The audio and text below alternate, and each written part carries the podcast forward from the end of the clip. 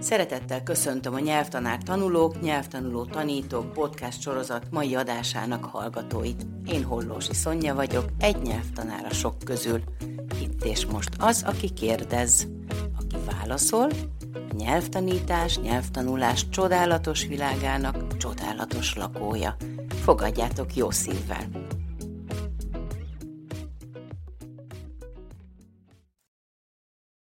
Mai vendégem László István, szakfordító, angolról fordít magyar nyelvre, immár lassan két évtizede, angol tanári diplomával. Amikor meghívtalak téged erre a beszélgetésre, akkor nagyon csodálkoztál, hogy mi hasznosat mondhatnál te nyelvtanár tanulóknak, nyelvtanuló tanítóknak. Én pedig azon csodálkoztam el, hogy ezen hogy tudsz elcsodálkozni. Szerencsére egy hirtelen érv sorozattal meggyőztelek arról, hogy most pont itt a helyed a nyelveken szóló műhelyben. A fordítás számtalan ponton kapcsolódik nyelvtanuláshoz, nyelvoktatáshoz. Bármit mondasz, azt köszönjük, mert biztos, hogy hasznára van nyelvtanulónak, nyelvtanárnak, mellékállású fordítónak, fordítás iránti érdeklődőnek, és még sorolhatnám. Kedves István, szeretettel köszöntelek. Az első kérdésem hozzád. Hogyan lett belőled szakfordító? Nagyon szerettem fordítani már középiskolában, sőt, már korábban is, mert Romániában a nyelvoktatás és nyelvtanulás ez az az olvasás, fordítás, nyelvtan hármasra épül, tehát a beszédkészségfejlesztés, vagy a hallás utáni értés egyáltalán, tehát a nyelvoktatásnak semmilyen szintjén nem jelent, jelent meg. Most nem tudom milyen helyzet, de szerintem nem sokat változott. Melyik évekről beszélünk? 80-as évek, 90-es évek eleje. Ugye amikor én iskolába jártam Romániában, 93-mal bezárólag. A idegen órák arról szóltak, hogy egy olvasmány, fordítás és nyelvtan feladatok dögivel. A nyelvtan az, az volt szerintem a legfontosabban tartott része a nyelvoktatásnak és tanulásnak. Ez már egészen ötödiktől így volt, tehát már ötödikes tankönyvekben is az volt, hogy volt egy olvasmány, azt elolvastuk, lefordítottuk, és utána meg nyelvtan feladatokat csináltunk. Tehát semmiféle párbeszéd vagy hallás utáni értés feladatok nem voltak. Tehát tényleg csak elolvastuk, és mondatonként fordítottuk a szöveget. Ez volt az órán, és a házi feladat is tulajdonképpen ez volt. Plusz nyelvtan feladatok. Én ezt nagyon szerettem, de az egészet úgy, ahogy van, tehát fordítást is, meg a nyelvtant is, és ezért is volt az, hogy eh, teljesen lesokkolt, amikor eh, egyetemen beültem az első conversation beszélgetés órára, hogy ott meg kell szólalni, és párbeszédet kell folytatni másokkal.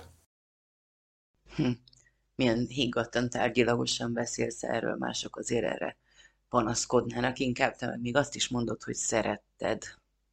Hát szerettem, mert nem ismertem más alternatívákat, tehát nem tudtam, hogy létezik olyan is, hogy Magnóról hallgatunk szöveget, és akkor azzal kapcsolatosan vannak feladatok.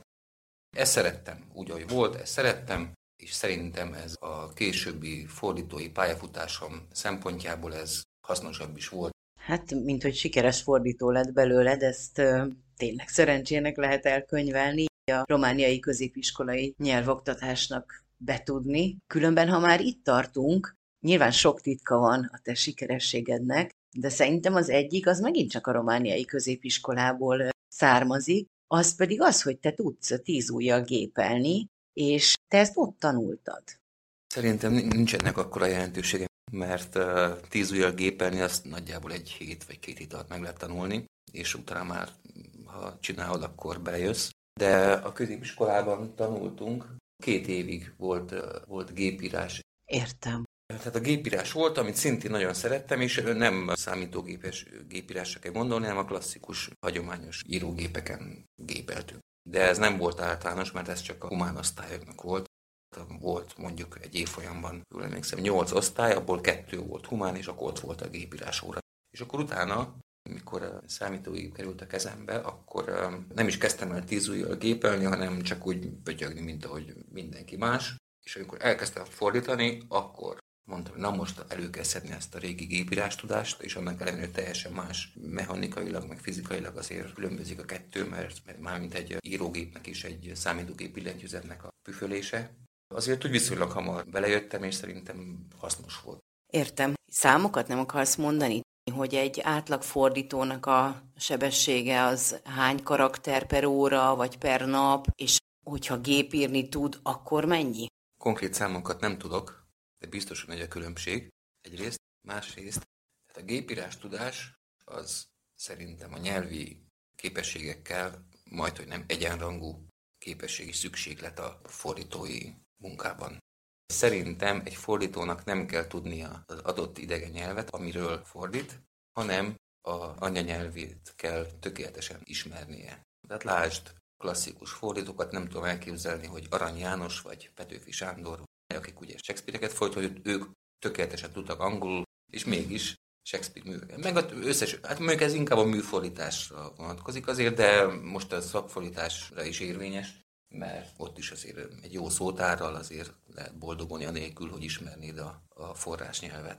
A szakfordítás egyik ilyen alapelve, be nem tartott alapelve, az az, hogy csak idegen nyelvről anyanyelvre fordítunk. Azért döbbenetes dolgokat mondasz, és milyen higgadta ráadásul. Az én számomra egyre nyilvánvalóbb, hogy miért döntöttem jól, amikor a tanítást választottam, és nem a fordítást vagy tolmácsolást. Viszont aki fordít, szívesen fordít, vagy szeretne fordító lenni, az most igazán elkezdte hegyezni a fülét. Szóval folytasd, mondhatsz még számokat is, vagy tulajdonképpen bármint, ami alátámasztja, vagy kiegészíti az eddigi állításaidat. A minőség és a mennyiség egyformán fontos a fordítói szakmában, mert lehet jól fordítani, és pötyögve mondjuk napi 1500 szót fordítani, mi az Európai Uniós fordítóknál a napi norma, ha jól tudom, de egy mezei, azaz nem Európai Uniós szakfordítónak, ja, ráadásul azt hiszem, hogy őket bérezik, nem mennyiség alapján fizetik. A norma az 1500 szó per nap, de hogyha mezei fordító vagy, akkor annyit keresel, amennyit termelsz. Tehát ezért fontos a mennyiség is a minőség mellett. És akkor 1500-hoz viszonyítva, ami 10-11-12 ezer karakter körülbelül, én mondjuk egy átlagos napon mondjuk 20 ezer karaktert tudok lefordítani. Tehát ez múlik a szöveg nehézsége is persze, mert ez nem mindegy, hogy egy nehéz orvosi cikket fordít az ember, vagy pedig egy rutinból lefordítható sablon szöveget, például egy gyógyszer betegtájékoztatóját, amit olvashatunk a gyógyszeres dobozokban a kis cetlin. Nagyon izgalmas. Hoztad a, a gyógyszer leírást példának. Mi lenne, hogyha most rátérnénk arra, hogy te mitől vagy szakfordító, és milyenféle szövegekkel dolgozol? Konkrétan orvosi szakfordítás. Orvosi szakfordításon belül szerintem a legnehezebbek a szabadalmi leírások, ugye orvosi eszköznek a szabadalmi leírása, amihez szerencsére még nem volt szerencsém. A másik pedig az orvosi cikkek, tehát ilyen publikációk. Ilyen publikációból volt pár, akkor tudom én másfélszer, kétszer annyi ideig tartotta fordítani, mint egy sablonos szöveget, amit általában szoktam fordítani. Sablonos szövegek például leginkább a klinikai gyógyszervizsgálatokkal kapcsolatos szövegek, tehát betegtájékoztató. Tehát a klinikai gyógyszervizsgálat ugye úgy néz ki, hogy toboroznak betegeket, akiket 30-40-50 oldal, oldalas tájékoztatókban részletesen tájékoztatnak arról, hogy mivel jár vizsgálat, mit kell, hova kell menni, milyen vizit lesz, labor, mit tudom én, ilyen részletek. És akkor ez egy ilyen 30-tól 50 oldalas betegtájékoztató, tényleg minden részletre kitérnek, a költségtérítés, biztosítás, tehát nem csak a konkrétan orvosi vagy egészségügyi szempontjaira, hanem minden egyéb ilyen administratív kérdésekre is. Érdekes, azért azt gondoltam volna, hogy szakfordítás az egy szakterület szókincsét, vagy mit tudom, rutinját jelenti, vagy annak az ismeretét, de hogy itt akkor nem csak az orvosi nyelvről van szó. Ennek a másodlagos szakterülete, vagy legalábbis amit én fordítok, az jogi terület, ugye, mert ezek a nem is a beteg tájékoztató, van a másik fontos dokumentum, amit aláírnak a vizsgálatok résztvevői, a beleegyező nyilatkozat, amelyben tulajdonképpen vállalják, hogy részt vesznek a adott gyógyszerkísérletben. De ezen kívül jogi fordítás például a szerződések fordítása, amiket a gyógyszergyártók kötnek a kórházakkal, klinikákkal, orvosi rendelőkkel, akik lefolytatják tulajdonképpen ezeket a vizsgálatokat. Tehát van egy gyógyszergyár, ők kitalálják, hogy most akkor kitalálunk egy gyógyszert a reumás ízületi gyulladásra, és akkor ezzel, mármint a magával a kísérlettel megbíznak úgynevezett szerződéses kutatási szervezetet, aki tulajdonképpen közvetít a gyógyszergyár és magát a vizsgálatot lefolytató orvosok, kórházak, klinikák, egy szóval vizsgálóhelyek között. A lényeg az, hogy a jogi szakfordítás az a szerződésekhez kell, amiket a különböző szereplők kötnek egymással. A másik tipikus szövegfajta szintén betegtájékoztatóan hívják, ami a gyógyszeres dobozokban ezek a cetlik leírják a gyógyszer tulajdonságait, a mellékhatásokat, a javasolt dózist, adagot. De mindenki ismeri ezeket, akinek volt gyógyszeres doboz a kezébe.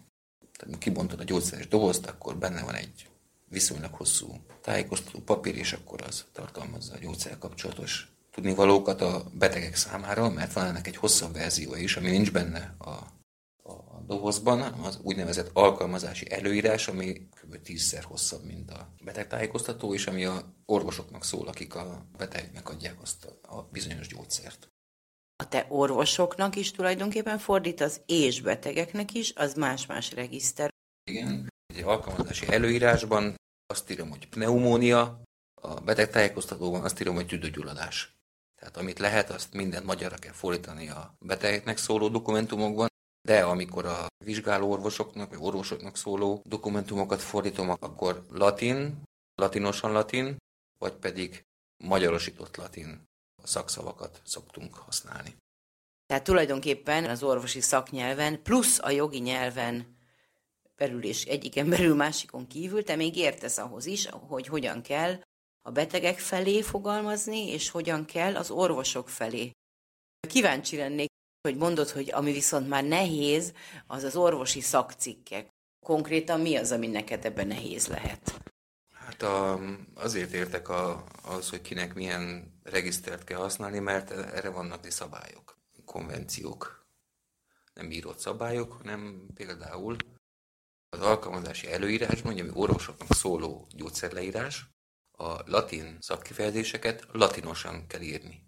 Tehát pneumónia, így a pneumónia például. Esetleg lehet, de valamikor nem fogadják el, tehát ez nem egyértelműen tisztázott, hogy most akkor melyik a...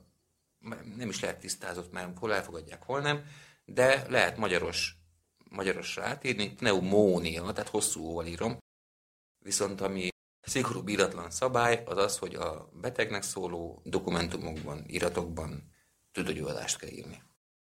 De a szakcikkek nem ezért nehezek, mert nem tudom, hogy most akkor a terminus technikusokat hogy írjam át, mert az is egyértelmű, mert a szakcikk az az orvosok, orvosi szakcikk az orvosoknak szól. Tehát ott latin kifejezéseket kell használni, vagy pedig magyarosított latin kifejezéseket. Az orvosi szakcikk azért nehezebb, mert egy a publikáció, az egy kutatásnak az eredményeit teszi tulajdonképpen közé, és akkor az implikálja, hogy újdonságokat tartalmaz. Tehát újdonságokat nehéz lefordítani, hogyha... Túl sok az újdonság. Azt hiszem, hogy értem, hogy ez az, az orvosi szakcikk, az abban sose lehet rutin szerezni, az soha nem lesz sablonos. Így van, tehát nem lehet ebben rutin szerezni, mert mindig újdonságok vannak benne, és az alkalmazási előírásban is, ami mondjuk tényleg egy, nem tudom, egy 10 oldalas szöveg, a 90%-a vagy 85%-a az sablonszöveg, a adott gyógyszer adagolása, mellékhatásai, ami minden alkalmazási előíráson benne van, és van egy passzus, ami arról szól, hogy ez a gyógyszer hogyan fejti ki hatását, a szervezetben hogyan izeg mozog, meg ürül ki, meg ilyenek, amit, ami újdonság. És akkor ez az egyetlen nehéz része. Beteg tájékoztatóban nincs ilyesmi, mert ott nem szoktak ilyen részletes orvosi leírásokat megadni. Kezdem érteni, hogy mitől vagy te szakfordító, amit szeretnénk most kérdezni, hogy te egy humán érdeklődésű, ugye mondod, hogy humán osztályba jártál, angol szakot végzett bölcsészként, hogyan találtál pont erre a szakterületre rá annak idején? Egyrészt azért a egyedüli természettudomány, ami iránt igazán érdeklődtem is a, annak idején a középiskolában is, és meg az általános iskolában is, és szerettem is, tudtam is, meg csináltam is jól, az a kémia volt. És akkor szerintem ez így, nem tudom, ez így megmaradt. De a gyakorlatban egyetem utolsó éveiben kezdtem el szakfordítani, akkor egy barátom vont be ilyen műszaki fordításba. Szivattyú, meg gépészet, ilyeneket fordítottunk, hogy pénzt keressünk.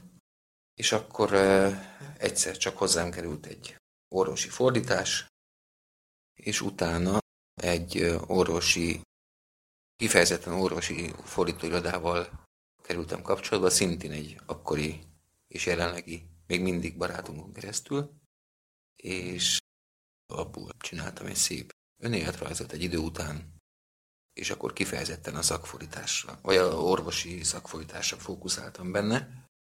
Tehát azt hangsúlyoztam, hogy az az én szakterületem. És akkor utána ezzel házaltam, végül is első körben a Proz nevű nemzetközi fordítói üzleti partnerkereső webportálon. És akkor jöttek a megkeresések. Én is pályáztam munkákra, mert ez egy olyan webportál, ahol te is nyomulhatsz, és rád is nyomulnak.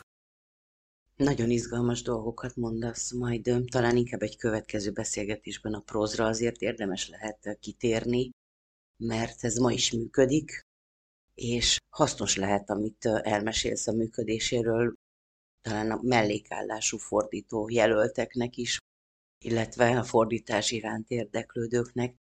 De most inkább sokkal szívesebben kanyarodnék vissza ahhoz a kérdésemhez, hogy miért választottad a nyelvtanárság helyett a fordítást. Erre azért nagy részt választ adsz, amikor mesélsz, viszont abból a szempontból érdekelne engem a te választásod, hogy mely készségek, vagy melyik feladat, vagy milyen fajta kihívás, hogyha meg tudsz ilyeneket nevezni, volt vagy voltak azok, amelyek segítettek eldönteni így az egyetem utáni években, hogy nem a tanítás, amit azért szintén kipróbáltál. Jó, az egyetem elvégzése után a nyelvtanítással kezdtem foglalkozni, jobb hiány. Tehát a fordítás az úgy, úgy hébe-hóba volt azért az egyetem utolsó éveiben. Műszaki szövegeket fordítottunk Tudics Ákos barátommal, és miután végeztem, hát elkezdtem tanítani. De nem intézményben, hanem magántanítás és ilyen vállalati kurzusok formájában. Ez nem tetszett. Szerintem már az első pillanattól kezdve, mert kaotikus volt, nem voltak meg a egész tanításhoz nincsen, meg nem voltak meg a megfelelő interpersonális és szociális képességeim szerintem, ami viszont megvannak a megvannak a fordítás, az ugyanis ez egy teljesen szóló, szóló műfaj, ott nem kell senkivel kollaborálni, hanem csak rajtad múlik tulajdonképpen minden. Jó, hát persze van ilyen minimális kollaboráció, de mondjuk már ritkán van ilyen ketten csinálunk egy fordítást, meg a lektorral néha, de minimális, nagyon ritkán kell bármit is egyeztetni másik fordítóval, vagy lektorral. Tehát ez egy teljesen remetének megfelelő munka, meg pálya. Azért ez azt is jelenti, hogy mindennek a felelősségét is hajlandó vagy elvinni. Csak egy, egy apró példa. Elkezdtem angol tanítani, magántanítványaim voltak, és céges kurzusokat tartottam. Nyelviskolán keresztül kijártam a város különböző pontjaira, cégekhez, de ami egy, szerintem ebből a szempontból, vagy a, abból a szempontból, hogy végül is dobtam ezt a pályát, egy eklatáns példa, az az volt, hogy Újpestről Budaörsre, a Pannon GSM székházába kellett járnom hetente kétszer, reggel fél nyolcra, ha jól emlékszem. Ez azt jelenti, hogy ötkor kellett kelnem, és BKV-val kijutnom Budaörsre, és három esetből egyszer az volt, hogy senki nem jelent meg a fél nyolckor, tehát az ő munkaidejük előtt kezdődő kurzuson. Tehát én fölöslegesen mentem oda. Az ilyesmi valóban nem nagy élmény egy tanár számára. Nekem is voltak ilyen tapasztalataim a céges nyelvoktatásban.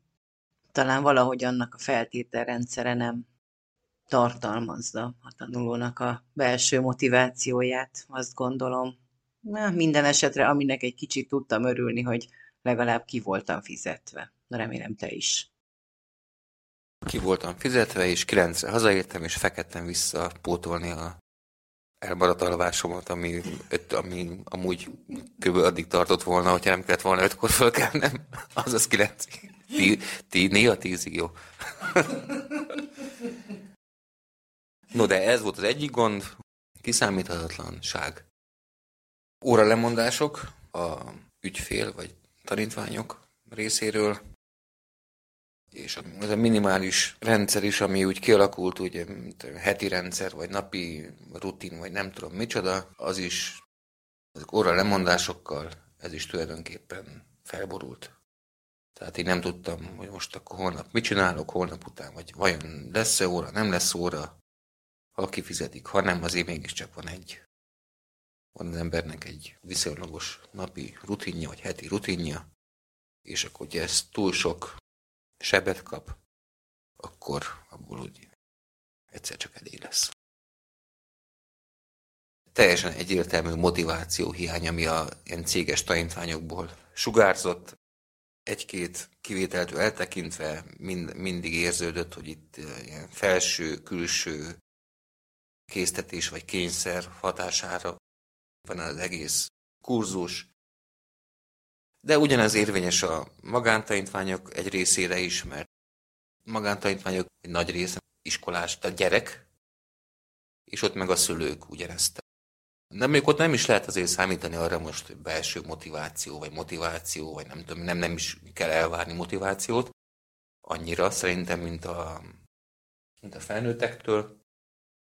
És akkor ugye ez így fokról fokra, lépésről lépésre eltántorított a nyelvoktatói pályától, de amúgy is szerintem nem voltak meg a társas képességeim, meg a megfelelő toleranciám, meg mindenféle ilyen tanári képességekhez szükséges képesség. Tolerancia, kedvesség. Értem. Azért nagy szerencse az embernek ezeket felismerni magában, hát és nagy bátorság aztán kimondani is és idegen nyelvtudás birtokában ez itt a reklámhelye, annyi mindent tehetünk, ami hasznos és szép, nem feltétlen kell mások tanításával foglalkoznunk, hogyha pont az nem fekszik. És bár csalódásokról beszélsz, és pályaelhagyásról, az önismeret és az időben meghozott jó döntés az mindenképpen példaértékű, mert szerintem különben mi most a burnout szindrómáról beszélgetnénk, hogyha te nem határozod el annak idején, hogy inkább az elégedett fordítók táborát gyarapítod, és nem a boldogtalan nyelvtanárokét. A nyelvtanulásodra szeretnék még egy picit visszatérni. Ugye a beszélgetés elején beszéltél a romániai középiskolai, általános iskolai nyelvoktatás rendszeréről. Ez engem most egy picit személyesebben érdekelne. Te melyik nyelvet mikortól, hol és hogyan tanultad? Idegen nyelvként angolul tanultam 8 éves koromtól külön órákon, végig, tehát iskolában soha nem tanultam. Az iskolában ötödiktől érettségig németet, és a középiskolában négy évig franciát.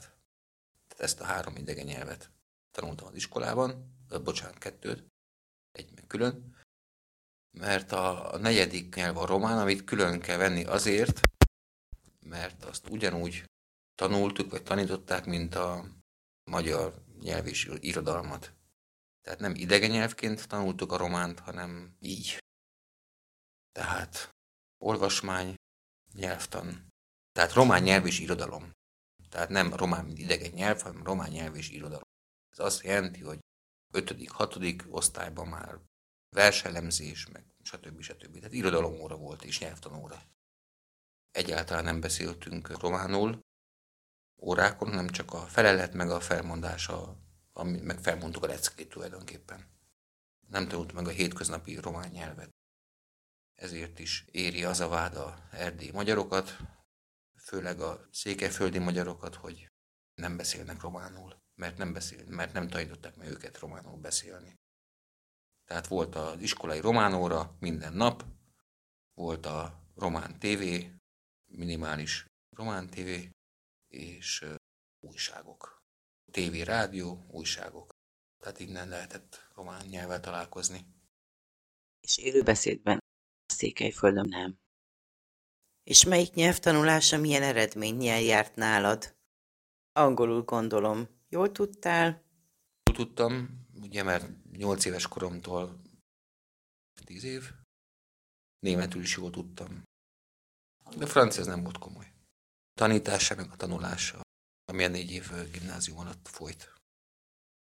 Románul azért szerintem jobban tudtam, mint angolul akkor még. De nem, ez a tudás is olyan, hogy most mi számít tudás? Tehát tudás, valaki egy, egy nyelvtudásban az számít többet, hogy a hétköznapi életben boldogulsz az adott nyelven, vagy pedig az, hogy elolvasod egy újságcikket, vagy megnézel egy filmet, és mindent értesz. Jogos, abszolút igazad van. Millió szempontja van a nyelvtudás mérésének. Most itt a te szubjektív megítélésed volt a számunkra releváns, úgyhogy köszönöm szépen a választ. És akkor az első beszélgetésünk utolsó kérdéseként azt kérdezném tőled, imádni fogod, hogy meg tudnál-e fogalmazni valamiféle jó tanácsot a kezdő fordítók számára. Tanuljanak meg tíz ujjal gépelni, minél hamarabb, és akkor ott is vagyunk, legyenek szorgalmasak, kitartók, és nyitottak. Nagyon szépen köszönöm, hogy válaszoltál a kérdéseimre. Én is köszönöm a meghívást. Köszönjük, hogy velünk tartottatok. Ha tetszett az adás, bátran osszátok meg másokkal is.